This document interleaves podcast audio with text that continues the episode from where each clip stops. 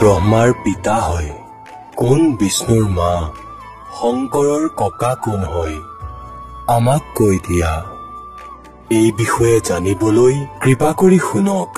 জগতগুৰু তত্বদৰ্শী সন্ত ৰামপালজী মহাৰাজৰ অমৃত বচন সৰ্বপবিত্ৰ ধৰ্মৰ পবিত্ৰ শাস্ত্ৰৰ আধাৰত। দাসে বাৰে বাৰে কৈ আছে যে না ৰাধা স্বামী পন্থ না ধন ধন সদগুৰু জয় গুৰুদেৱ পন্থীসকলৰ তাত মুক্তিৰ মাৰ্গ নাই। এইবোৰ জীৱন নাশক হয়। এওঁলোকৰ নামো ভুল এওঁলোকৰ জ্ঞানো ভুল। এওঁলোকৰ প্ৰৱৰ্তকক আপোনালোকক দেখুৱাইছোঁ যে শিৱদয়ালজীৰ কি দুৰ্গতি হৈ মৃত্যু হ'ল। শিৱদয়ালজীৰ মৃত্যুৰ পিছত তেওঁ ভূত হৈ গ'ল। আৰু সেই বিলুচিস্তানী শ্বাহমাস্তানা খেমামলজীৰ ইনজেকশ্যন ৰিয়েকশ্যনৰ ফলত মৃত্যু হৈছিল। আৰু সিফালে এওঁলোকৰ এই বাবুজী চাহেব এওঁৰ হিষ্ট্ৰী পঢ়ি লোৱা তেওঁৰ কিমান দিন ভুগি ভুগি মৃত্যু হ'ল এতিয়া কি কোৱা হয় परमात्मा कहते संशय शोक सराय में सूतक दिन राती और जीवित जग में जूती पड़े फिर जम तोड़े छाती ইয়াত জন্ম মৃত্যু হয় এই সংসাৰত তেওঁ ভূত হৈ বুকিত সোমাই কৈছে আগতে কোৱা হৈছে জমতৌৰে ছাতি জমৰ দুটে বাকলি এৰুৱাব এতিয়া পৰমাত্মাই কি কৈছে कि यो सौदा फिर ना ही संतो यो सौदा फिर ना ही ये लोहे जैसा ताव जात है काया देश राही और तीन लोक और भवन चतुर्दश सब जग सौदे आही আকৌ কৈছে कि ये दम टूटे पिंडा फूटे लेखा दरगाह माही उस दरगाह में मार पड़ेगी त्रियम पकड़ेंगे बाही তাত কাৰোৰেই জোৰ নচলে কোনো এজন যদি ৰাষ্ট্ৰপতি হয় মৃত্যুৰ পাছত জমৰ দূতে তেওঁক জোৰেৰে খামুচি ধৰে তৎক্ষণাত। আৰু তাত থিয় কৰাই দিয়ে ৰাজসভাৰ ভিতৰত। এটা উদাহৰণ দিছে পৰমাত্মাই নিজৰ বাণীত যে এজন প্ৰিয়ৱত নামৰ ৰজা আছিল। তেওঁ প্ৰথমতেতো তপ কৰিছিলে। তপেৰে তেওঁৰ ৰাজ্য প্ৰাপ্ত হৈছিল।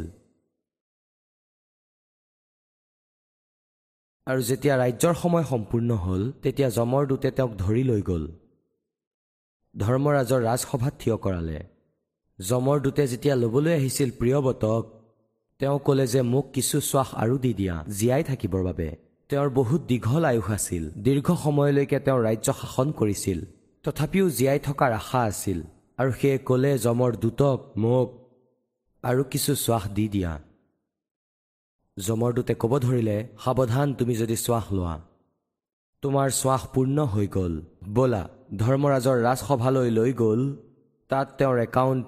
ক'বলৈ ধৰিলে যে তুমি ইমান বছৰ তপ কৰিছিলা তাৰ প্ৰতিফলত ইমান বছৰ তুমি ৰাজত্ব কৰিছা। এতিয়া কোৱা কিবা কৰি আনিছা আগৰ বাবে? তাততো সকলো জনা যায় যে তেওঁৰ পকেটত কিমান সামগ্ৰী আছে। ক'বলৈ ধৰিলে যে নাই। ভুল হৈ গ'ল। ক'লে যে ইয়াৰ মুখ ক'লা কৰি দিয়া। প্ৰিয়ৱতে ক'লে যে মোৰ মুখ কিয় ক'লা কৰা হৈ আছে? ৰজা আছিলোঁ মই সমগ্ৰ পৃথিৱীৰ। তেতিয়া ধৰ্মৰাজে ক'লে ভক্তিৰ কাৰণে পঠিয়াইছিলোঁ। ভক্তি নকৰিলা এনেই থাকিলা। আৰু সেই প্ৰিয়ৱতে ক'বলৈ ধৰিলে যে ভুল হৈ গ'ল। ধৰ্মৰাজে ক'লে যে মই ভুলৰেই শাস্তি দিওঁ। যোৱা পশুৰ জুনিত যোৱা ৰজা। এতিয়া গাধ ৰজা হৈ যোৱা। परमात्मा कहते हैं कबीर हरि के नाम बिना ये राजा रसम हो रस मन गधा और मट्टी लदे कुमार के और घास न डाले कोई এতিয়া পুণ্যাত্মাসকল সেই পৰমাত্মা কিমান দয়ালু হয় কিমান কিমান বাণী কৈ কৈ বুজাই আছে আৰু লগতে আৰু লগতে এয়াও কৈ আছে যে তুমি মোক চিনি লোৱা তোমাৰ সকলো অশান্তি দূৰ কৰি দিম এই সমস্যাবোৰ শেষ কৰি দিম এই জন্ম আৰু মৃত্যুৰ।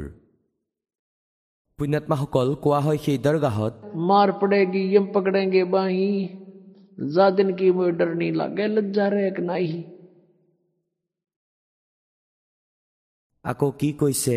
কে নৰ নাৰায়ণ দেহ পা তু ফেৰ চুৰাচি যাহি। পৰমাত্মাৰ দৰে মনুষ্য শৰীৰ আপুনি পাইছে। পৰমাত্মাৰ এনেদৰেই মনুষ্য সদৃশ শৰীৰ। সেয়েহে পৰমেশ্বৰকো পুৰুষ কোৱা হয় আৰু সেই পুৰুষে মনুষ্যক নিজৰ শৰীৰ দিছে। সেয়ে মনুষ্যকো পুৰুষ কোৱা হয়। গতিকে কি কৈছে যে পৰমাত্মাৰ যি মেটেৰিয়েল হয় শৰীৰৰ সেয়া আমাৰ দৰে নহয়। এ চনাবিৰম শুক্ৰমকায়ম। এ চনাবিৰম তেওঁৰ শৰীৰ মাতা পিতাৰ সংযোগত হোৱা শুক্ৰৰ পৰা নহয়। তেওঁৰ শৰীৰত হীৰা আদিৰ ব্যৱস্থা নাই। তেওঁ স্বয়ম্ভూ হয় পৰিভূ হয়। তেওঁ কবিৰ মনীষী হয় চেহপৰীয়া গাত হয় সকলোতকৈ প্ৰথম দেহধাৰী সেই পৰমাত্মা হয় अब क्या बताते हैं कि नर नारायण देह पाकर तू फिर चौरासी जाही कुल परिवार तेरा सकल कबीला मसलत एक ठराई बांध पिंजड़ी आगे धर लिया मरगट को ले जाही মৃত্যু হওঁতেই বংশৰ লোক একত্ৰিত হৈ যাব আৰু সেই সময়তে ক'ব উঠোৱা ইয়াক উঠোৱা সোনকাল কৰা আৰু সেই সময়তে উঠাই কোৱা হয় बांध पिंजड़ी आगे धर लिया मरगट को ले जाई और अग्नि लगा दिया जद लंबा फूक दिया उस ठाई এতিয়া শৰীৰটো জ্বলাই দিলে এতিয়া পাছত আকৌ এই নকলি গুৰুসকলে এটা নতুন প্ৰচেছ আৰম্ভ কৰিলে कहते हैं पुराण उठा फिर पंडित आए गुरुजी आगे और पीछे गरुड़ पढ़ाई तेरा गजब भैया পৰমাত্মাই কয় যে মৰাজন মৰি গ'ল। আৰু সেই উপলক্ষে তুমি এতিয়া গৰুৰ পাঠ কৰাই আছা। এতিয়া গৰুৰ পুৰাণত এনেকুৱা বহুত কথা আছে যিবোৰ জীৱই প্ৰথমেই পঢ়ি ল'ব লাগে। তাত এনেকৈ লিখা আছে যে এজনে এনেকুৱা অপৰাধ কৰিছিলে তেওঁৰ পুত্ৰ মৰিছিল। তেওঁ এনেকুৱা অপৰাধ কৰিছিলে তেওঁৰ চকু ফুটি গ'ল। আকৌ এজনে এনেকুৱা অপৰাধ কৰিছিলে তেওঁৰ হাত কাটা হৈছিল। যমৰ দূত আহে আৰু যিয়ে ভক্তি নকৰে আচল ভক্তি নকৰে তেওঁক ধৰি লৈ যায় যিয়ে দান ধৰ্ম নকৰে। আৰু আগলৈ কি দেখে যে এনেকুৱা গৰম মাটিৰ ওপৰেৰে লৈ যায় খালী ভৰিৰে। আৰু আগলৈ যি শুভকৰ্মী প্ৰাণী আছে ভাণ্ডাৰা ভালকৈ কৰি আছে ক্ষীৰ মাখন হালোৱা তেওঁলোকে লাডু জেলেপি এইবোৰো খাই আছে আৰু সেই কৰ্মহীন প্ৰাণী ভক্তিহীন প্ৰাণী দানহীন প্ৰাণী সেইফালেদি যায় আৰু দেখে তেওঁলোকক কয় যমৰ দূতক ভগৱানৰ দূতক যে মোক ভোজন কৰাই দিয়া মোৰ ভোক লাগিছে সিহঁতে কয় নহ'ব তোমাৰ শুভ কৰ্ম নাই ব'ল তোক ভগৱানৰ ৰাজসভাত হাজিৰ কৰিম তাৰপিছত তোক মাৰি মাৰি শাস্তি দিম তেন্তে কোৱা হয় পৰমাত্মাৰ কোৱাৰ উদ্দেশ্য এয়া যে कि वेद पुराण उठा फिर पंडित आगे पाछे गरुड़ पढ़ाई যে তেওঁক গৰুৰ পুৰাণৰ পাঠ প্ৰথমতে কৰাব লাগিছিল আগতে শুনাব লাগিছিলে সেই বেয়াবোৰ। তেতিয়া বাচিলে হয় ভয় খালে হয় আৰু শুভ কৰ্ম কৰিলে হয় আৰু তেওঁৰ দুৰ্গতি নহ'লে হয়। তেওঁতো এতিয়া গাধ হৈ গ'ল আৰু পিছত তেওঁৰ বাবে গৰুৰ পুৰাণ পাঠ কৰাই আছে। এতিয়া কি লাভ হ'ব? মৰাৰ পিছত মুখত ঘি ঢালি? এতিয়া কি কৈছে যে পুৰাণ উঠা পণ্ডিতা এপিছে গৰুড় আকৌ কৈছে যে নৰ্চে তিতু পশুৱা কি যে গদ্দা বেল বনাই। ये छप्पन भोग कहा मन भोरे की तो कुरडी चरने जाई পুণ্যাত্মাসকল পৰমাত্মাই আমাক যি কৈছে সেয়া সত্য যে कबीर ये माया अटपटी और सब गट आण अड़ी वह किस किस न समझाऊं या कुआ भांग पड़ी আমি এই কালৰ নকলি এই সুখৰ ভাং খাই আছো এই কুঁৱাত কালৰ কুঁৱাত আৰু সকলোৰে একেধৰণৰেই বুদ্ধি হ'ব যেনেকৈ মদ খোৱা ব্যক্তি বা ভাং খোৱা মানুহ এশজন পাই যাব আপুনি ৰাস্তাত। তেওঁলোকৰ একেধৰণৰেই ভাষা হয় একেধৰণৰেই চাল চলন হয়। এনেকৈ দুলি থাকে। ইফালে এবাৰ যায় আকৌ সিফালে কথা ক'লে আকৌ অস্পষ্ট হয়। তেন্তে কোনো এজনৰ সৈতে কথা পাতি চাই লোৱা যিসকলে নিচা কৰে সিহঁতৰ একেধৰণৰেই ভাষা। গতিকে আমাক সকলোকে এই কালে ভাং খুৱাই ৰাখিছে নিচা সুখৰ। আৰু এইবোৰতে আমি সকলো ইমান মগন হৈ আছো। আৰু ইয়াত পৰমাত্মাই মনত পেলাইছে যিজনৰ ভাঙৰ নিচা আঁতৰিব এজন ব্যক্তি মদ খাই পৰি আছিল আৰু এনেকুৱা লেতেৰা ঠাইত পৰি আছিল পাছত তাক ঘৰৰ মানুহে তুলি আনিছিলে। আৰু ৰাতিপুৱা আকৌ গা পা ধুই যেতিয়া গ'ল তাৰ সৰু ল'ৰাই কয় যে পাপা ৰাতি আপুনি ইয়াতে পৰি আছিলে। তেতিয়া সি কয় যে মই ইয়াত আছিলোঁ ইয়াত পৰি আছিলোঁ। কোৱা মদাহীৰ ল'ৰাই এনেকৈ কৈছে যে আপুনি ৰাতি ইয়াত পৰি আছিলে। তেতিয়া সি কয় যে এয়া কি হৈ গ'ল? ইমান লেতেৰা ঠাই এয়া। যেতিয়া পৰি আছিলে তেতিয়াতো পৰিয়ে আছিলে। তেতিয়া তেওঁ জনাই নাছিলে যে তেওঁ ইমান লেতেৰা ঠাইত পৰি আছে। তেন্তে আমি আজি যি স্থানত পৰি আছো এনেকুৱা স্থিতিত আমি আছো। আৰু যেতিয়া এই ভাঙৰ নিচা আঁতৰিব আপোনাৰ আপোনাৰো খেলি মেলি লাগি যাব। অন্তঃকৰণত উত্তেজনা উদ্ভৱ হৈ যাব। এতিয়া কি হয় এই কালেতো আমাক সাংঘাতিকভাৱে বন্দী কৰি ৰাখিছে পুণ্যাত্মাসকলে এয়া সঁচা বুলি মানি লোৱা। প্ৰথমতেতো দুখত পীড়িত ৰাখিছিলে আৰু এতিয়া পৰমাত্মাৰ দুৱাৰলৈ আহিলে আপোনাৰ সুখ হ'ব।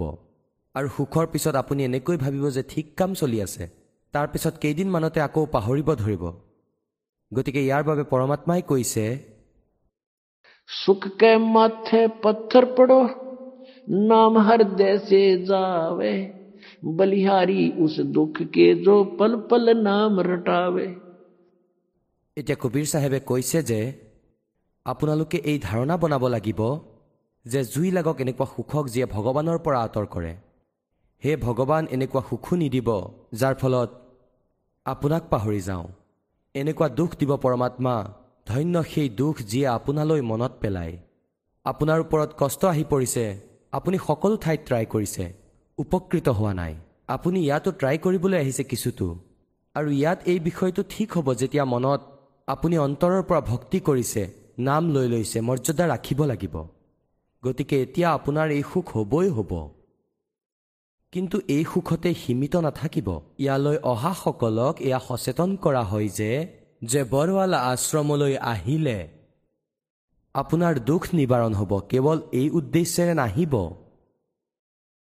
ইয়ালৈ এই উদ্দেশ্যলৈ আহিব যে আপুনি জন্ম মৃত্যুৰ কবলৰ পৰা বাচিব লাগিব। ইয়াৰ লগত এয়াতো আপোনাক ফ্ৰী অফ কষ্ট ৰূপত দিয়া হয়। এনেই এয়া যি সাংসাৰিক সুখ হয় আপোনাৰ কষ্ট নিবাৰণৰ বাবে এনেই ফ্ৰী দিয়া হয়। এয়া আমাৰ বিজনেছ নহয় এয়া আমাৰ উদ্দেশ্য নহয়। এতিয়া যেনেকৈ আগৰ দিনত গাঁৱত কোনোৱে এই পাচলি বেচিবলৈ আহে আৰু কোনোবাই ফল মূল বেচিবলৈ আহে তেতিয়া আমাৰ আইতাই কেনেদৰে দৰদাম কৰিছিলে সেই সময়ত এনেকৈ কিনা বেচা হৈছিল যেনেকৈ ঘেঁহুৰ বস্তা ভৰাই লৈ গ'ল আৰু তেওঁৰ পাল্লাত ঢালি দিলে আৰু এওঁ তেওঁক পাল্লাত কোনোবাই দুবাৰ কোনোবাই ডেৰবাৰ এনেকৈ ইয়াৰ সলনি দুবাৰ তেনেকৈ শাক পাচলি তুলি দিলে। ঘেঁহুৰ বিনিময়ত তেওঁতো লৈ ল'লে যি ল'বলগীয়া আছিলে। আইতাই তেওঁৰ যি বিনিময় কৰিবলগীয়া আছিলে সেয়া কৰিলে। সেই ঘেঁহুৰ এক পাল্লা অৰ্থাৎ এক কিলোৰ বিনিময়ত দুই কিলো দুবাৰ লৈ ল'লে পাচলিৰ যি ৰেট আছিলে সিমান লৈ ল'লে। আকৌ কৈছিল যে ৰুংগা আৰু অলপ দিয়া। ৰুংগা মানে ফ্ৰী অফ কষ্ট তেতিয়া তেওঁ আকৌ এক দুই আৰু অলপ দি দিছিলে। এওঁ কয় নহ'ব ভাই আৰু অলপ দিয়া। সি আৰু অলপ দি দিছিলে? তাক ৰুংগা বুলি কোৱা হয়। এনেই। গতিকে কোৱাৰ ভাৱ এয়াই যে যি আচল বিনিময় সেয়াটো আপোনাৰ জন্ম আৰু মৃত্যুৰ দুখ গুচিব ইয়াতে আৰু যি এই সাংসাৰিক সৰু সুৰা কষ্ট আপোনাৰ ওপৰত আছে কোনো ঘৰুৱা দুখ আছে এইবোৰতো ৰুংগত দিয়া হ'ব ইয়াত। আপোনাক ৰুংগত ফ্ৰীতে এয়া বিনিময় নহয় আমাৰ। ইয়াততো আপুনি ডিমাণ্ড কৰিছে সেয়েহে উঠাই দি দিলে দুটা আলু আৰু খাই লোৱা। তেন্তে এই যিবোৰ কষ্ট আপোনাৰ ওপৰত আহিছে কোনো প্ৰেত বাধা আছে অথবা কোনোবাই অভিশপ্ত কৰি ৰাখিছে কিবা খেলি মেলি কৰি ৰাখিছে বা কোনো পাপ কৰ্মৰ প্ৰাৰব্ধৰ দণ্ড আছে এইবোৰতো ফ্ৰীতে কাটিব কবিৰ ভগৱানে আপোনাৰ আচল যি ৰোগ হয় সেয়া জন্ম আৰু মৃত্যুৰ এতিয়া কি কোৱা হৈছে नर से तू पशुआ की जय गद्दा बैल बनाई ये छप्पन भोग कहा मन बोरे कित যাই পুণ্যাত্মাসকল আমি এই কালৰ এই মিছা সুখৰ ভাং পি ৰাখিছোঁ। আমাৰ আজি বিশ্বাস নহয় যে আমি গাধও হ'ম। আৰু আমি কুকুৰ গাধ গাহৰি হ'ম। আৰু সেই আহাৰ কৰিম যি কুকুৰ গাধ গাহৰিয়ে বৰ্তমান কৰি আছে। আৰু ইয়াৰ বাবে মনত পেলোৱা হয় সুখদেৱ নে চৌৰাচী মুক্তি বনা পজাৱে খাৰ तेरी क्या बुनियाद पुरानी तू पेंडा पंथ पकड़े वो কোৱা হৈছে সুখদেৱৰ দৰে ঋষিয়ে চৌৰাশী লাখ প্ৰাণীৰ দেহৰ কষ্ট ভোগ কৰিবলগীয়া হৈছিল सुखदेव ने चौरासी भुगती बना पजावे खरवो और तेरी क्या बुनियाद पुरानी तू पेंडा पंथ पकड़े वो যে সুখদেৱ নে চৌৰাশী ভুক্তি গাধ হৈ গ'ল পাজাৱেত পাজাৱে মানে হৈছে পজাৱা হৈছে আগতে যেনেকৈ কুমাৰে লগাইছিল তাত ইটা বনাইছিলে। আৰু ইটা বনোৱাৰ পিছত যি ছাই থাকিছিলে তাৰ ওপৰতেই আৰু লগাই দিছিলে। তাক ক'তো পেলোৱাৰ ঠাই নাছিল তাৰ ওপৰতেই আকৌ পিছৰ বছৰ লগাই লৈছিলে আকৌ তৃতীয় বছৰটো। ফলত বহুত ওখ তিলা হৈ পৰিছিল আৰু গাধত তলৰ পৰা কেঁচা ইটা ৰাখিছিলে। তাৰ কঁকালৰ মোনাত আৰু তলৰ পৰা কেঁচা ইটা লৈ গৈছিলে। কেঁচা নমাইছিলে আৰু পকাটো তৎক্ষণাত উঠাই দিছিলে। আৰু এচাৰিৰে মাৰি তললৈ ধাক্কা দি দিছিলে। এক ছেকেণ্ডৰো তাৰ ওচৰত ৰোৱাৰ সময় নাই। তলৰ পৰাও ভৰাই পঠিওৱা হয় ওপৰৰ পৰাও আকৌ ভৰাই পঠিয়ায়। শেষত কঁকাল ভাঙি যায় গাধটোৰ। আৰু আবেলি খাদ্য খাবৰ বাবে কোৱা হৈছিলে কুৰ্দিত অৰ্থাৎ বাহিৰত পথাৰত। তাত খাইছিলে আৰু বাহিৰতে চৰি আহিছিলে।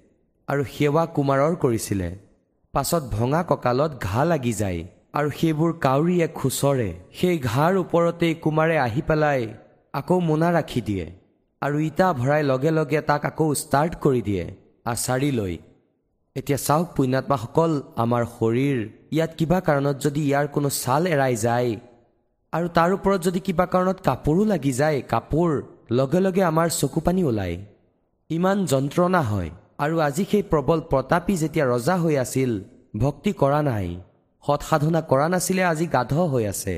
কঁকাল ভঙা ওপৰত মোনা আৰু মোনাৰ ভিতৰত কোৰ চেণ্ড অৰ্থাৎ সেই খোৰা ইটাৰ যি বালি সেয়াও ঘাতে আহি পৰে আৰু তাৰোপৰি ওপৰত ইটাৰ ঘঁহনি খায়। এনেকৈ খোজকাঢ়োতে আৰু তাৰ চকু পানী বৈ আহে কিন্তু সি একো কৰিব নোৱাৰে। সি বিবশ। এতিয়া পুণ্যাত্মাসকল প্ৰথমতে ময়ো এনেকৈয়ে আছিলোঁ। এতিয়া পৰমাত্মাৰ দয়াৰে আত্মা নিৰ্মল হৈছে। এই কথাবোৰ মনত পৰিলে শৰীৰ কঁপি উঠে। আৰু এয়া এবাৰ নহয় অসংখ্যবাৰ। এবাৰ নহয় অসংখ্যবাৰ এই কষ্ট উঠাইছোঁ মই। এতিয়া পুণ্যাত্মাসকল আপোনালোকৰ কিমান ৰেহাই হ'বলৈ গৈ আছে কিমান লাভ হ'বলৈ গৈ আছে আপুনি বুজিব নোৱাৰিব। আৰু আমি কিমান কষ্ট ভোগ কৰিলোঁ অসংখ্যবাৰ। এয়াতো এবাৰৰ গাধৰ এদিনৰ কথা কোৱা হৈছে এই কষ্ট এদিনৰ এনেকুৱা হয় আৰু এটা গাধৰ জীৱন কিমান হয় अब इसलिए बताते हैं सतगुरु के उपदेश का जय सतगुरु की संगत करते सकल कर्म कट जाई अमरपुरी पर आसन होते जहां धूप ना छाई যদি সদগুৰুৰ সংগ কৰি লৈ শৰণলৈ আহি যায় এই নকলি সদগুৰুসকলৰ কোনো কাম নাহিল হয় সেয়ে কোৱা হয় এয়া কেনে দুখ আপোনাৰ হৈ আছে? কি প্ৰকাৰে বাইপাছ উলিয়াব এই সন্তই? এতিয়া কিমান দুখ হয় প্ৰাণীৰ ওপৰত আধ্যাত্মিক মাৰ্গক। আধ্যাত্মিক ঘটনাৰেই তুলনা কৰা হয়। কাৰোবাৰ কোৱা মাত্ৰই নহয় আপোনালোকক দেখুৱাই আছো ইতিহাস। এজন পুণ্যাত্মাৰ তেওঁৰ ওপৰত কিমান আপদ আহিছিলে। আৰু যি ধন আপোনাৰ প্ৰাপ্ত হ'বলৈ গৈ আছে যি জ্ঞান ভক্তি আৰু বিধান আপুনি পাবলৈ গৈ আছে তাৰ দ্বাৰা আপোনাৰ কিমান বেনিফিট হ'ব কিমান ৰেহাই পাব अब परमात्मा कहते हैं धर्मदास तो ये लाख दुहाई और ये सार शब्द की दबार ना जाई আজিলৈকে যি পৰমাত্মাই এই এই তত্ত্ব জ্ঞানক এই তত্ত্ব নামক সাৰ নামক এই আচল মন্ত্ৰক লুকুৱাই ৰাখিছিলে কিয়নো সত্যযুগ ত্ৰেতা আৰু দাপৰত এই প্ৰাণীসকল দুখী হোৱা নাছিলে আৰু পূৰ্বৰ পুণ্যকৰ্ম এওঁলোকৰ বহুত আছিলে। যি কাৰণত যিয়েই যিবোৰ সাধনা তেওঁলোকে কৰিছিলে তাতেই তেওঁলোক সুখী আছিলে। তেওঁলোকে এয়া ভাবিছিলে মোৰ এই সাধনাৰে সুখ প্ৰাপ্ত হৈছে। সেইকাৰণে সত্যযুগ ত্ৰেতা আৰু দ্বাপৰত পৰমাত্মাই কালক ৰেহাই দি দিছিলে যি তেওঁ প্ৰাৰ্থনা কৰি বিচাৰিছিলে। আৰু কৈ দিছিলে যে ঠিক আছে ভাই তিনি যুগত মই প্ৰাণী লৈ নাযাওঁ। আৰু চতুৰ্থ যুগ কলিযুগত মই লৈ যাম। তেন্তে কলিযুগৰ প্ৰথমৰ কোনো ইতিহাস দেখুৱাই দিয়া কোনো মুছলমান বেলেগ হ'ল কোনো ইছাই বেলেগ হ'ল বা কোনো জৈন বেলেগ হ'ল।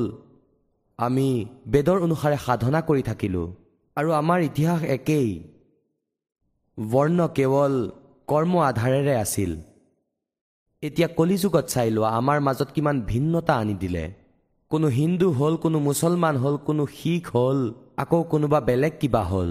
আমাক বেলেগ বেলেগকৈ ভাগ কৰিলে। তেওঁ ভয় খাইছিলে যে কলিযুগত পৰমাত্মাৰ সৈতে চুক্তি হৈছিলে। তেওঁ নিজে আহিব নহ'লে কোনো দাসক পঠাব। নিজৰ শক্তি দি। গতিকে তেতিয়া এনেকুৱা কৰি দিয়া এই প্ৰাণীসকলক এওঁলোক একেবাৰে কণ্ডেম হৈ যায় এজন আনজনৰ শত্ৰু হৈ যায় আৰু ইজনে সিজনৰ সাধনাক ভুল ক'লে মৰিবলৈও তৈয়াৰ হৈ যায়। এনেকুৱা সময়ত পৰমাত্মাই এয়া আৰম্ভ কৰিছে। কিন্তু এয়া আমাৰ বুদ্ধিহীনতা হয়। ধৰি লোৱা তোমাৰ মাৰ্গক মই ভুল বুলি কৈছো আৰু তোমাৰ কনফিডেন্স আছে যে সঠিকেই হয়। তেন্তে নুশুনিবা ইয়াত কাজিয়াৰ কি কথা আছে? এয়া কালেই কৰাই কিন্তু এতিয়া পৰমাত্মাৰ দয়া হৈ গ'ল নিজৰ সন্তানৰ ওপৰত। সমাজ শিক্ষিত হয় আৰু সকলো ইতিহাস আমাৰ হাতত আছে আমাৰ সৎগ্ৰন্থ প্ৰত্যেক ধৰ্মৰ প্ৰত্যেক ধৰ্মাৱলম্বীৰ হাতত আছে আৰু দাসে তাতে ক'ব যে এনেকুৱা লিখা আছে খুলি চাই লোৱা বিষয়টো বুজি পাবা গতিকে এতিয়ালৈকে আমি সদগুৰু নোপোৱাৰ বাবে কিমান কষ্ট কৰিলোঁ सतगुरु के उपदेश का लाया एक विचारे जय सतगुरु मिलते नहीं फिर जाते नरक दुआरे नरक द्वार में दूत सब करते खेचा ताने। उनसे कबू ना छूटता, फिर फिरता चारों खानी।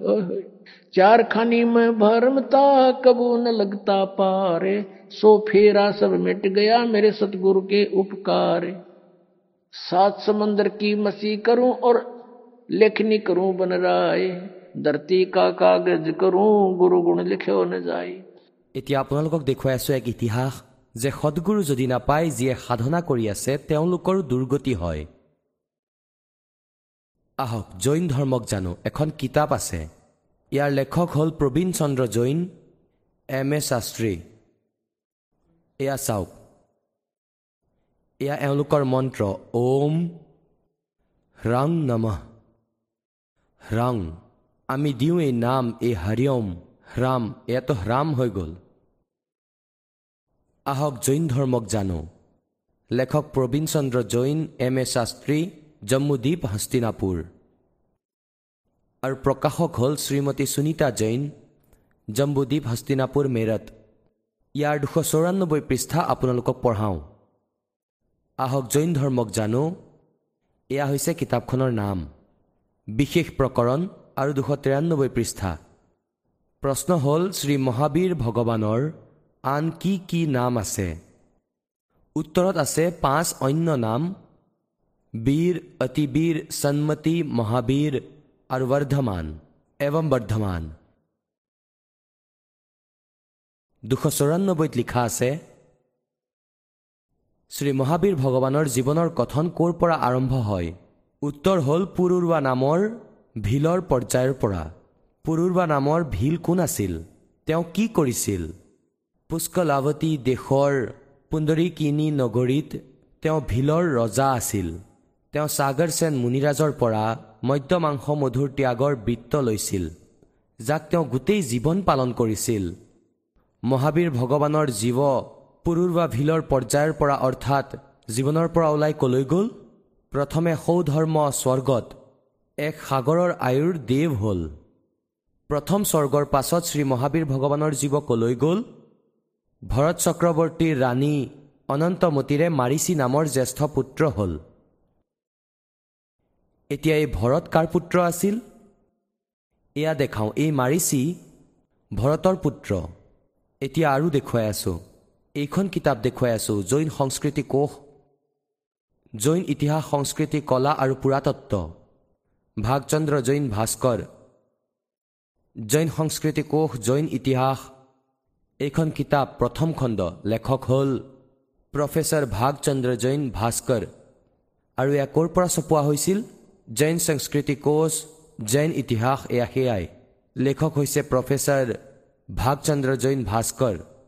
প্ৰকাশক এয়া দুটা আছে এইফালেও আছে সিফালেও আছে চাই লওক। এয়া আপোনাৰ সন্মুখত আছে। আৰু এয়া ক'ৰ পৰা ইয়াৰ প্ৰাপ্তিস্থান? এয়া ইয়াৰ পৰা আছে। এতিয়া আপোনালোকক ইয়াৰ এশ পঁসত্তৰ পৃষ্ঠালৈ লৈ যাওঁ। এয়া এশ পঁসত্তৰ পৃষ্ঠা।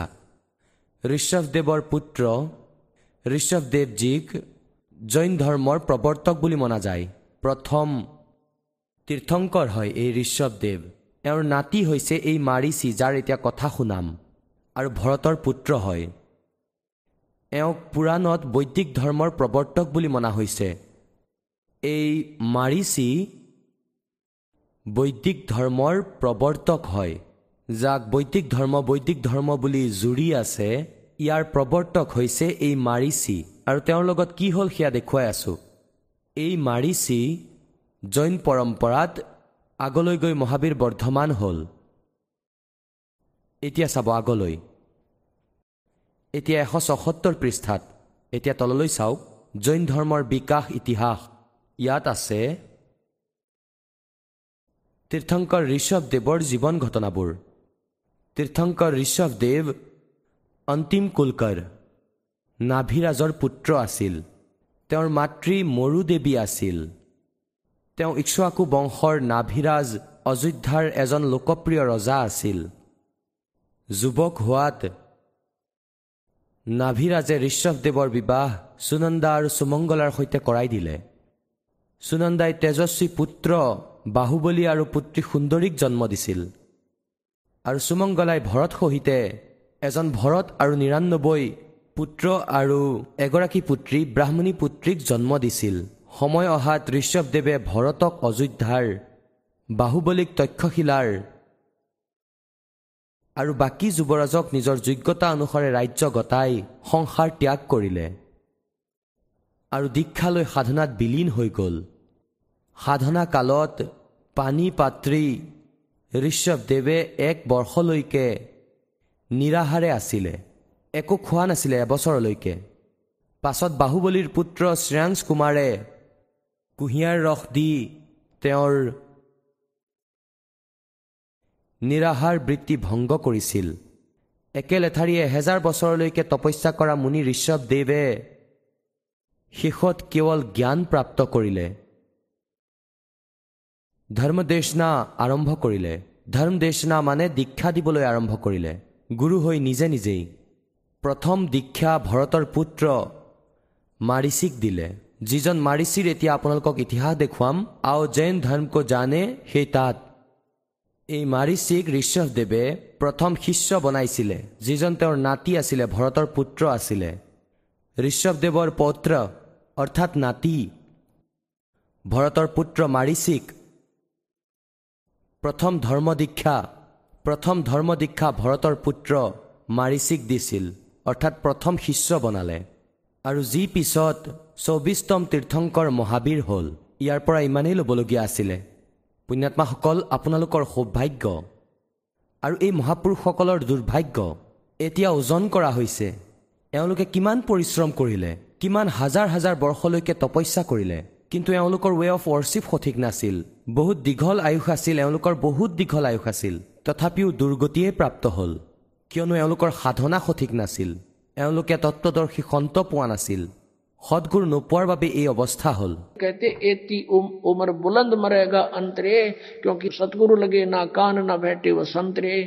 কোনো সদগুৰু বা সন্ত নাপালে যি তত্বদৰ্শী সন্ত হয় যেনেকৈ আপোনালোক ভগতজন হয় আপোনালোকৰ এই তত্বজ্ঞান হৈ গ'ল। আপোনালোক সন্ত। সাধু সেইজনেই যিয়ে সততাত চলে বেয়া কাম এৰি ভক্তি কৰে সৎ সাধনা কৰে। আপোনাৰ সৈতে কোনোবা যদি সম্পৰ্কত আহে তেতিয়া আপুনিও তেওঁ সঠিক পথ দেখুৱাই আৰু কয় সৎগুৰুৰ পৰা নাম লোৱা। না কোনো এনেকুৱা কওঁতা পালে যে এই সাধনা ভুল হয়। যদি তুমি সঠিক সাধনা কৰিব বিচাৰা বলা গুৰুদেৱৰ সৎগুৰুদেৱৰ ওচৰলৈ বলা। কিন্তু সকলোৱে নিজৰ নিজৰ সেই নকলি সদগুৰুকেই আচল মানি আনকো তাতেই জড়িত কৰি আছে। তেওঁলোক পাপৰ ভাগী হৈ আছে। এতিয়া আকৌ আপোনালোকক আনিছো আও জৈন ধৰ্মকো জানে এই কিতাপখনলৈ। চাব আও জৈন ধৰ্মকো জানে। ইয়াৰ লেখক হ'ল প্ৰবীণ চন্দ্ৰ জৈন এম এ শাস্ত্ৰী। আৰু এয়া ক'ৰ পৰা প্ৰকাশিত? প্ৰকাশক হ'ল শ্ৰীমতী সুনীতা জৈন জম্বুদ্বীপ হস্তিনাপুৰ মেৰঠৰ পৰা উত্তৰ প্ৰদেশৰ পৰা। এতিয়া ইয়াত আহোঁ। দুশ চৌৰান্নব্বৈ পৃষ্ঠাত আৰম্ভ কৰোঁ। আও জৈন ধৰ্মকো জানে। শ্ৰী মহাবীৰ ভগৱানৰ জীৱনৰ কথন ক'ৰ পৰা আৰম্ভ হৈছে?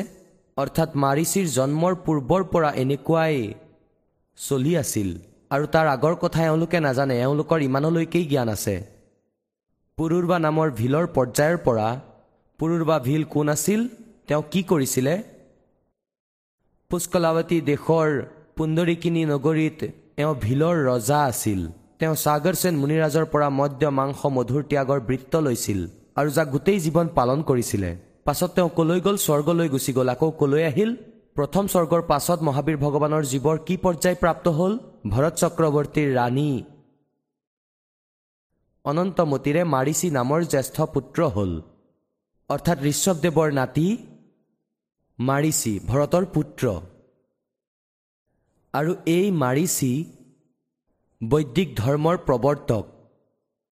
আৰু এইজনেই মাৰিচি আগলৈ গৈ জৈন ধৰ্মৰ মহাবীৰ জৈন হ'ল। এতিয়া চাব মাৰিচিৰ পৰ্যায়ৰ পৰা মহাবীৰ ভগৱানৰ জীৱ কি পৰ্যায়লৈ গ'ল? অৰ্থাৎ মাৰিচিয়ে প্ৰথম তীৰ্থংকৰ ঋষভদেৱৰ পৰা উপদেশ লৈছিল। তাৰ পাছত তেওঁৰ এই দুৰ্গতি হ'ল। আগলৈ চাওক ব্ৰহ্মস্বৰ্গত দেৱ হ'ল ব্ৰহ্মলোকত। ব্ৰহ্মলোকৰ পৰা পাছত কলৈ গ'ল? অযোধ্যা নগৰীত কপিল ব্ৰাহ্মণৰ কলা স্ত্ৰীৰ পৰা জটিল নামৰ পুত্ৰ হ'ল। আৰু আকৌ তাৰ পৰা কলৈ গ'ল? স্বধৰ্ম স্বৰ্গত এক সাগৰৰ আয়ুৰ দেৱ হ'ল। আকৌ স্বৰ্গৰ পৰা কলৈ গ'ল?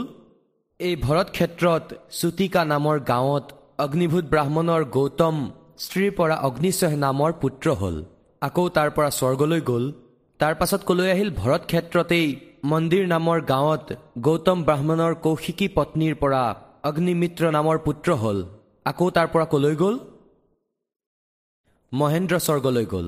মহাইন্দ্ৰৰ স্বৰ্গলৈ। তাৰপিছত মহাইন্দ্ৰৰ স্বৰ্গৰ পৰা কলৈ গ'ল? এয়া দুশ পঞ্চান্নব্বৈত আছে।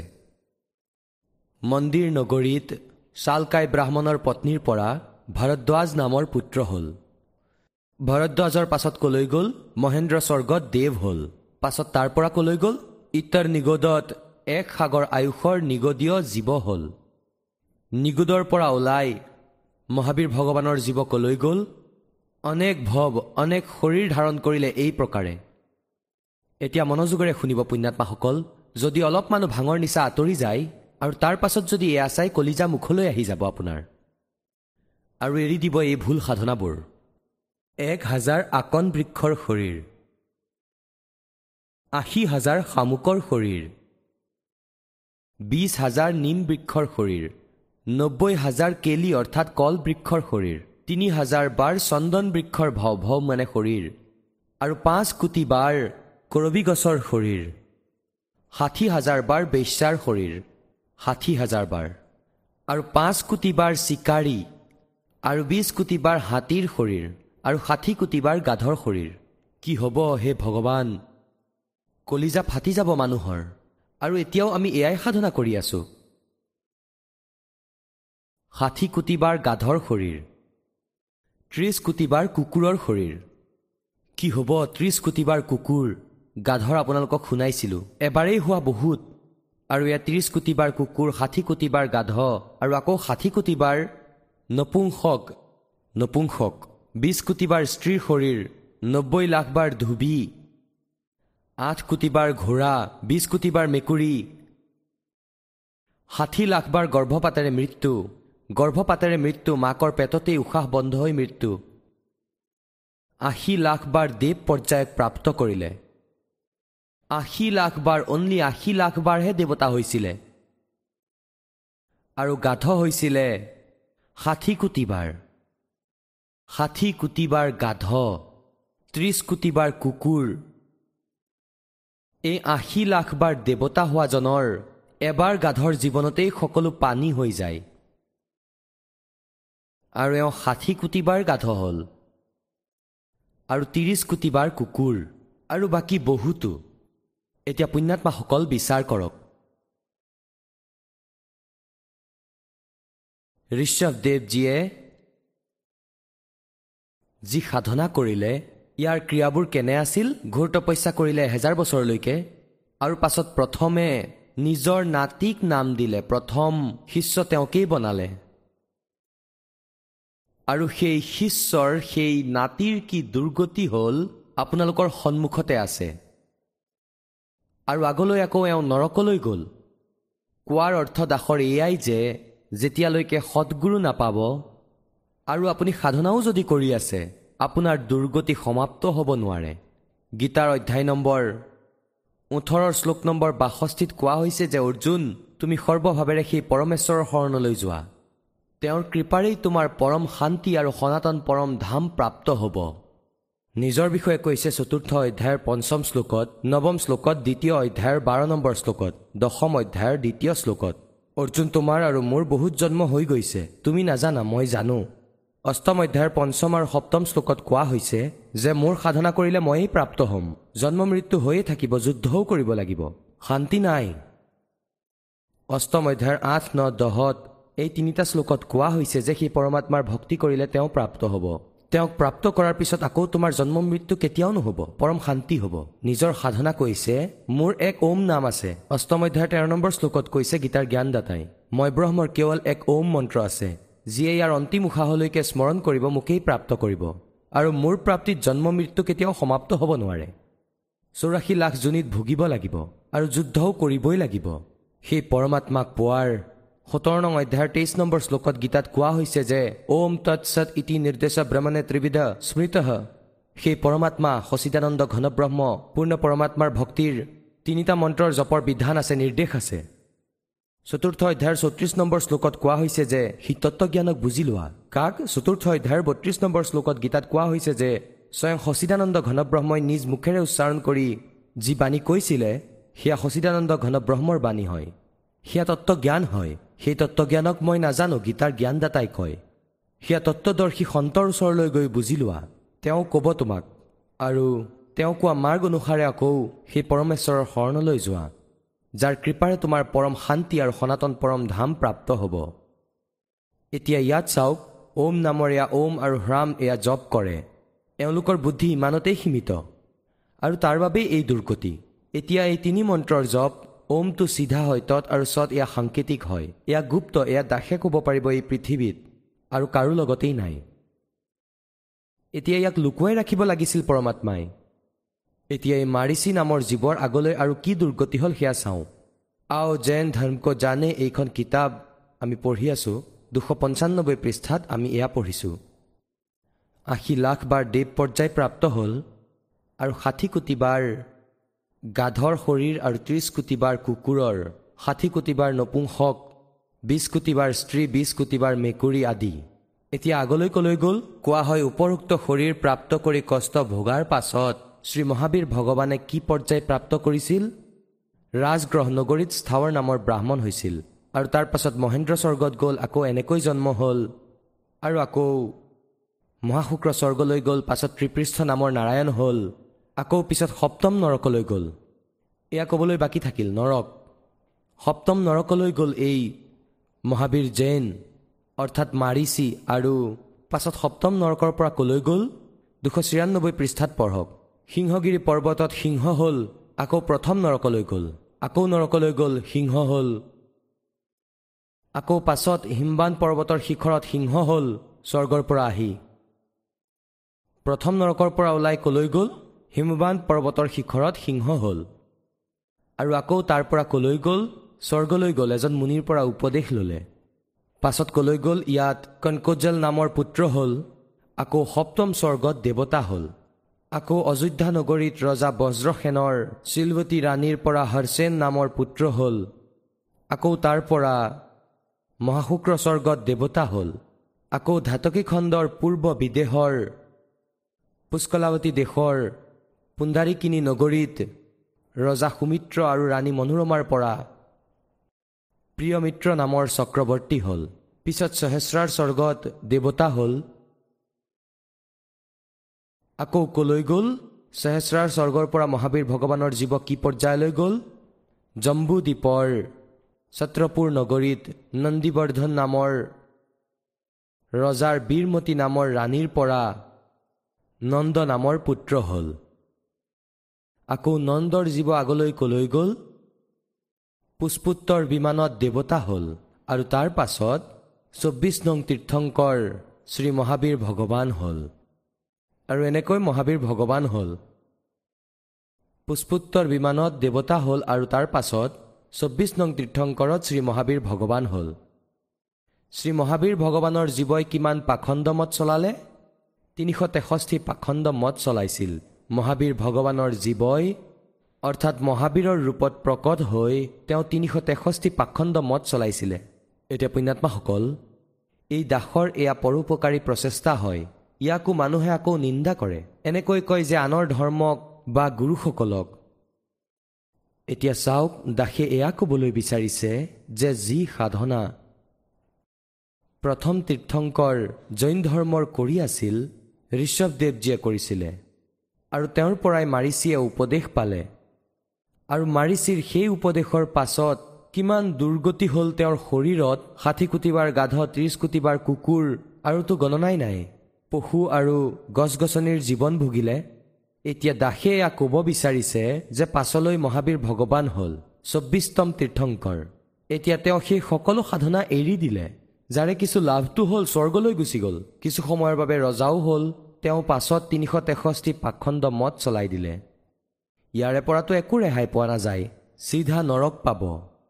এই দাসে এয়া ক'ব বিচাৰিছে যে এইবোৰ সাধনা ভুল আৰু বৰ্তমানৰ যিমানবোৰ জৈনী আছে এওঁলোকে মহাবীৰ জৈনৰ দ্বাৰা পাখণ্ড মত চলোৱা আৰু তেওঁৰ অনুসাৰে সাধনা কৰি আছে গতিকে দাসে এয়া ক'ব বিচাৰিছে যে সেই কৰ্মবোৰ এৰা আৰু সৎ সাধনা কৰা ইমানেই দাসৰ প্ৰচেষ্টা আৰু পৰোপকাৰী বচন अब इसको परमात्मा कहते समझा है तो सिर दर पाऊं और भौर नहीं रहे सादा এতিয়া যেনেকৈ अब प्रसंग चल रहा था कि फिर पीछे तू पशुआ कीजिए गद्दा बैल बनाई ये छप्पन वो गामन वो रे कुरडी चढ़ने जाई ओए होए যে আজি তুমি মনা নাই পাছত মনুষ্য জীৱন এৰাৰ পাছত এই দুৰ্গতি ডেফিনেটলি আছে এই সাধনাৰে আৰু সাধনা নকৰাসকলৰো তেওঁলোকে স্বৰ্গ নাপায় গাধ কুকুৰ এইবোৰেই হ'ব আৰু এওঁলোকে কিছুদিন স্বৰ্গ পালে আৰু পাছত গাধ হ'ল কওক স্বৰ্গ গৈ কি হ'ল আকৌ জন্ম মৃত্যু আকৌ দুৰ্গতি এতিয়া পৰমাত্মাই কৈছে যে জয় সতগুৰু কি সংগত কৰতে তেৰে সকল কৰ্ম কট যাই অমৰপুৰী পৰ আসন হোতে যা ধূপ না ছাই জয় সতগুৰু কি সংগত কৰতে অৰ্থাৎ পৰম সন্তৰ সদগুৰুৰ যদি আপুনি শৰণ পাই যায় এই সকলো ঝামেলা শেষ হৈ যায়। না গাধ হোৱা না আমাৰ স্বৰ্গলৈ যোৱা। আমি সৎলোকলৈ গুচি যাম। কোৱা হয় অমৰ পুৰী আসন হওঁতে আজি আপুনি অমৰ পুৰীত সৎ লোকত বহি থাকিলে হয় য'ত কোনো কষ্ট নাই আপোনাৰ।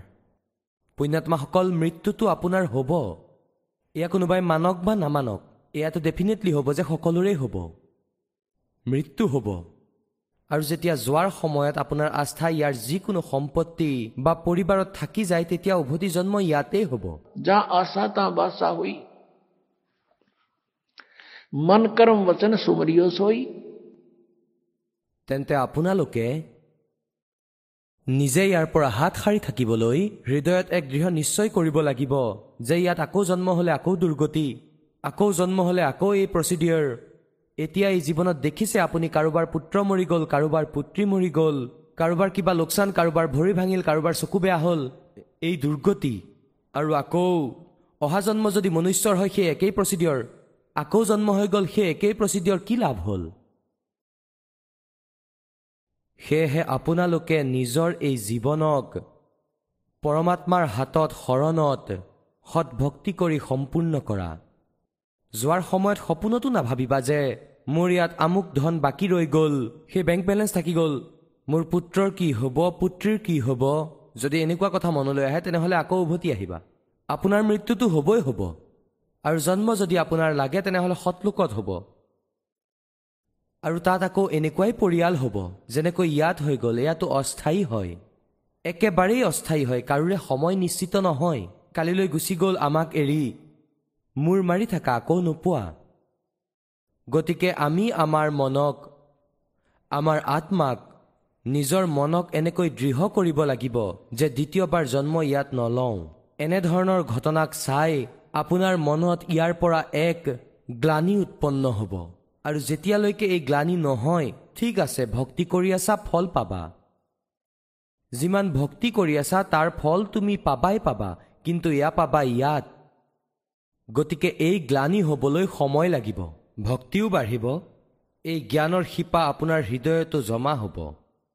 আৰু পাছত ইয়াত পুনৰ জন্মৰ কথা মনত আপোনাৰ সপোনতো নাহিব তেতিয়া আপুনি সৎলোকলৈ যাব পাৰিব।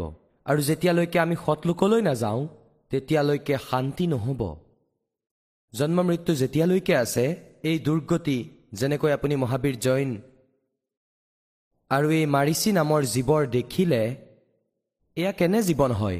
আশী লাখ বাৰ কেৱল দেৱতা হ'ল আৰু ষাঠি কোটি বাৰ গাধ ত্ৰিছ কোটি বাৰ কুকুৰ। এতিয়া পুণ্যাত্মাসকল কিয়নো আমি মনুষ্য জীৱনত আছো?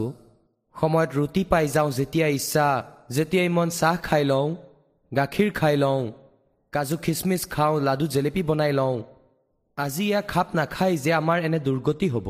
কিন্তু ঠিক আছে নিজৰ বুদ্ধিয়ে কাম নকৰিলে কোনো বুদ্ধিয়কৰ বিচাৰত নিশ্চয় জোৰ দিব লাগে।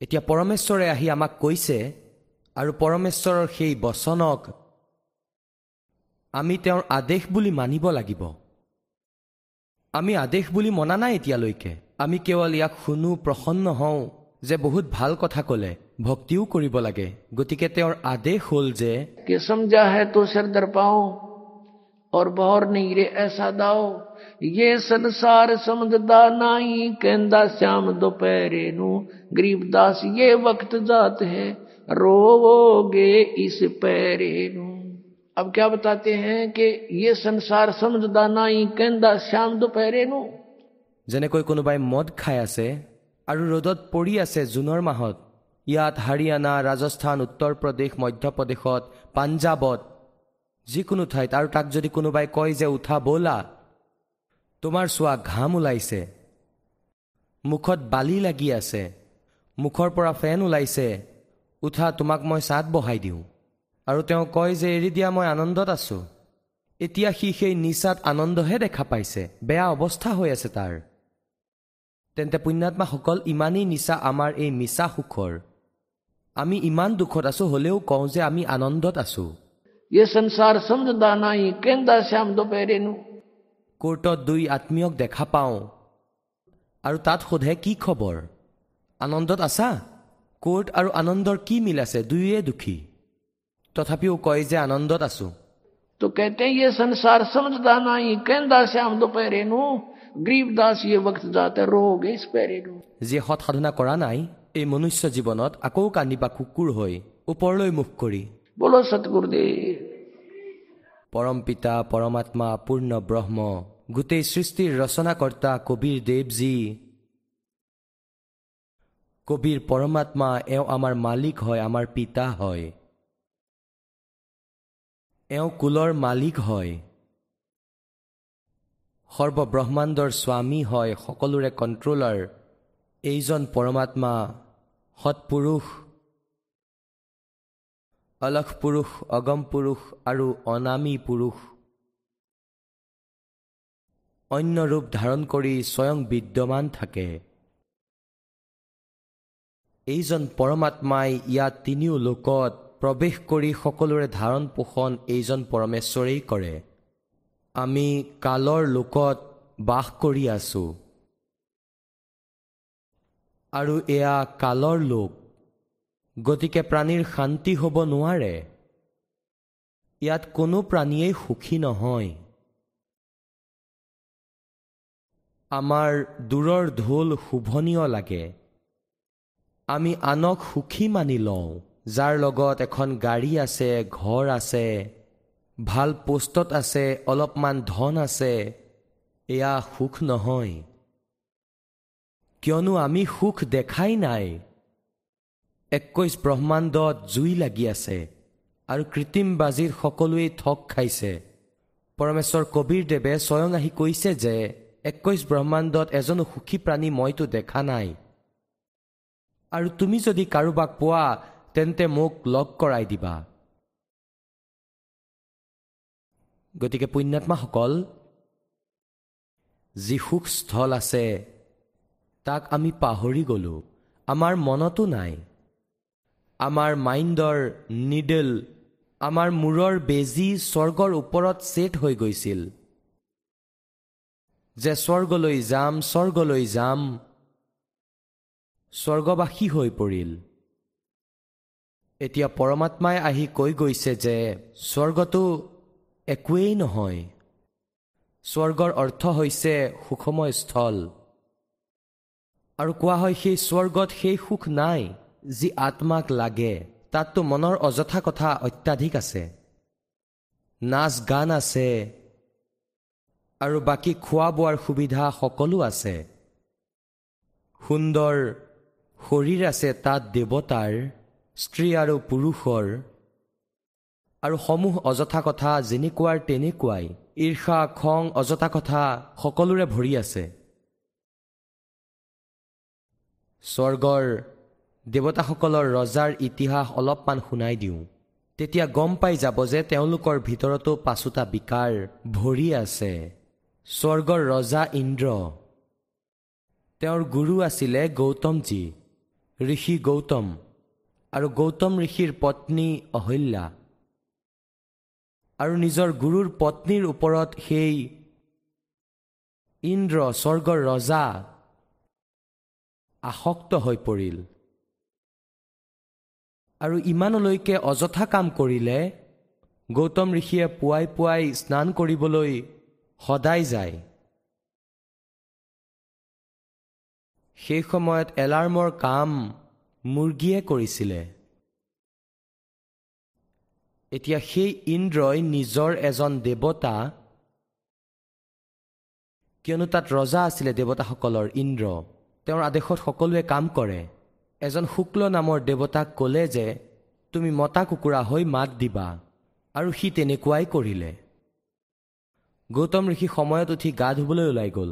পিছৰ পৰা গৌতম ঋষিৰ ৰূপ ধৰি ইন্দ্ৰ অহিল্যাৰ ওচৰলৈ গ'ল। এতিয়া পুণ্যাত্মাসকল এতিয়া বেছি কথা শুনোৱাৰ আৱশ্যকতা নাই। সেই ঠাইক আমি স্বৰ্গ বুলি কওঁ আৰু স্বৰ্গৰ ৰজাৰ এয়া কেৰেক্টাৰ। তেনেহ'লে আন দেৱতাসকলৰ কেনেকুৱা হ'ব? এতিয়া ইয়াত বুদ্ধিয়কসকলৰ বাবে সংকেতেই যথেষ্ট। এতিয়া পৰমাত্মাই ইয়ালৈ আহি কৈছে যে আপুনি য'ত বাস কৰি আছে এয়া সঠিক স্থান নহয়। ইয়াৰ পৰা তুমি ওলাবলৈ চেষ্টা কৰা। আৰু ওলাবৰ বাবে তেওঁ উপায় কৈ গ'ল যে সৰ্বপ্ৰথমে এজন গুৰু ধৰা। আৰু গুৰু যাতে সম্পূৰ্ণ হয় পৰমাত্মাৰ কৃপাৰ পাত্ৰ হয়। সৎপুৰুষক সম্পূৰ্ণৰূপে তেওঁ জনা হয়। তেওঁ যাতে তত্ত্বদৰ্শী সন্ত হয়। গতিকে পুণ্যাত্মাসকল আগৰ যি পৰমাত্মাৰ লীলা আমি পঢ়ি আহিছোঁ যেনেকৈ আমি তেওঁক জানিছোঁ বুজিছোঁ তেওঁ স্বয়ং আহি এজন তত্ত্বদৰ্শী সন্তৰ ভূমিকা কৰিছিলে আৰু স্বয়ং এজন এজন সন্ত হৈছিলে আৰু স্বয়ঙে এজন দাসৰ ভূমিকা কৰে। আমাৰ বাবে উদাহৰণ এৰি থৈ যায় যে আপুনি যদি ভক্তি কৰিব বিচাৰে তেন্তে সংসাৰৰ ডাঙৰ কথাবোৰ শুনিব নালাগে। সৰ্বব্ৰহ্মাণ্ডৰ মালিক হোৱা স্বত্তেও সকলোৰে দাতা হোৱা স্বত্তেও এটা সৰু জুপুৰিত সম্পূৰ্ণ জীৱন এজন জনসাধাৰণৰ দৰে ব্যতীত কৰি গুচি গ'ল। তেওঁ পৰমাত্মা আছিলে। আমাৰ বাবে এই সকলো লীলা কৰি গ'ল যে তুমি নিজৰ নব্বৈ শতাংশ সময়। এই সংসাৰৰ কুনীতিৰ কাৰণত সাংসাৰিক ৰীতিৰ আধাৰত তুমি ব্যৰ্থ কৰা। যেনেকৈ ঘৰ নিৰ্মাণৰ কামৰ স্পৰ্ধা হৈ আছে অথবা বিয়া বাৰুৰ কাৰণে বহুত বেছি খৰচ কৰা যাৰ হাতত টকা আছে সি খৰচ কৰি দিয়ে কিন্তু নিৰ্ধন ব্যক্তিয়ে সেইবোৰ কৰিব গৈ তেওঁ ঋণগ্ৰস্ত হয়। সেই ধৰণৰ ক্ৰিয়াবোৰ তেওঁ কৰিবলগীয়া হয় আৰু পাছত তেওঁ অশান্তিত থাকে। ধনৱান ব্যক্তি বিশ্বত এক শতাংশও নাই আৰু সিহঁতে সকলো ৰীতি নীতি নষ্ট কৰে। আপুনি দেখে এই মিডিয়াত টেলিভিশ্যনত আৰু এই ফিল্ম কৰাসকলে কিমান বেয়া ধৰণেৰে বিয়া সবাহৰ প্ৰদৰ্শন কৰে যাক দেখি দেখি সমাজত সেই একেই ধৰণে বিজুলী পৰিব ধৰিছে। গতিকে আমি এই পৰমাত্মাক পাবৰ বাবে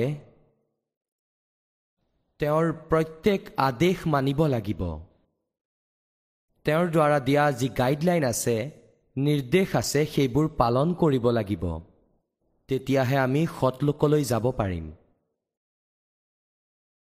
এতিয়া সেই সৎলোক কেনেকুৱা হয় शंखों लहर मेर की उपजे कह नहीं जा कोई दास गरीब अचल अविनाशी सुख का सागर सोई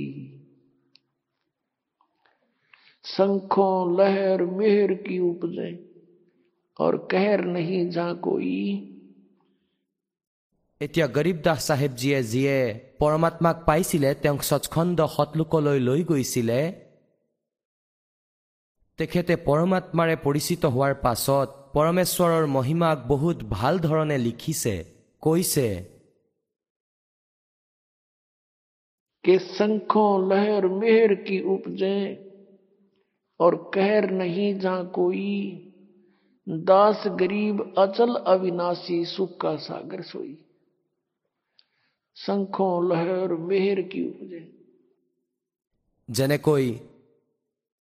কেতিয়াবা কোনো সময়ত কেতিয়াবা কেতিয়াবা এনেকুৱা হয় একান্ত স্থানত বহি আছে আত্মাৰ ভিতৰত এনেকুৱা এটা তৰংগ উঠে সকলোকে নিজৰ দৰে লাগে কাৰোৰে প্ৰতি দ্বেষ নাথাকে। শত্ৰুৱে যিমানেই আমাক অশান্তি দি নাথাকক তাৰ প্ৰতিও কোনো দ্বেষ নাথাকে। পৰমাত্মাৰ এনেকুৱা দয়া হয় মেহেৰ কি লেহেৰ সকলোৰে ওপৰত কৃপা বৰশী থাকে। আকৌ তেওঁৰ যোৱাৰ পাছতো সেই একেই স্থিতি। এজ ইট ইজ চেষ্টা কৰিলেও সেই তৰংগ আকৌ কেতিয়াও নাহে। গতিকে পৰমাত্মাই কৈছে সেই দয়াৰ তৰংগ আহিছিলে তাৰ পাছত সকলো প্ৰলয়ৰ তৰংগ হৈ গ'ল। অশান্ত কৰি ৰাখে আমাক। গতিকে কোৱা হয় সেই সৎলোকৰ ভিতৰত এচি শংখ লহেৰ মেহেৰ কি উপজে? কিয়নো তাত বডি বেলেগ টাইপৰ হয়। এনেকুৱা শৰীৰ নহয় সৎলোকত শৰীৰ এনেকুৱাই হয় মুখখন এনেকুৱাই শৰীৰটো দেখাত এনেকুৱাই। কিন্তু সেই মেটেৰিয়েল এয়া নহয় সেয়া নূৰ এটা তত্বৰে তৈয়াৰী হৈছে। তাত এই তেজ নাই মাংস হাড় ছাল নাই এক পোহৰেৰে বনোৱা হয়। এতিয়া এয়া আধ্যাত্মিক মাৰ্গ হয়। এয়া বুজি পোৱাটো বহুত বেছি কঠিন হৈ পৰে যে পোহৰেৰে কেনেকৈ তৈয়াৰ হয়। এতিয়া যেনেকৈ এই শৰীৰ পাঁচটা তত্বৰে তৈয়াৰী ইয়াৰ ৰূপ কেনেকুৱা হয়? পাঁচটা তত্ত্ব কি কি? পৃথিৱী আকাশ অগ্নি জল বায়ু এই পাঁচটা ইয়াৰ। আৰু তাত এই পাঁচটা ক'তো দেখা নাযায়। ক'তো দেখা নাযায়। এনেকুৱাই এক পোহৰেৰে তাত আমাৰ শৰীৰ গঢ়ে। তাত না কেতিয়াবা বি পি হাই হয় না ল' হয় না কেঞ্চাৰ হয় না কোনো প্ৰকাৰৰ কিবা সাংসাৰিক অশান্তি। তাত আপোনাৰ কোনো কাম নাই। আৰু ইয়াত কাৰোৰে আহৰি নাই। আনকি ইয়াৰ দেৱতাসকলৰো আহৰি নাই। সকলোৰে গৃহস্থী সকলোৰে লগত খোৱা বোৱা পেট ভৰোৱা আৰু উপাৰ্জন কৰা। গোটেই জীৱন প্ৰাণীয়ে এই শৰীৰৰ পোষণতেই ব্যতীত কৰি দিয়ে।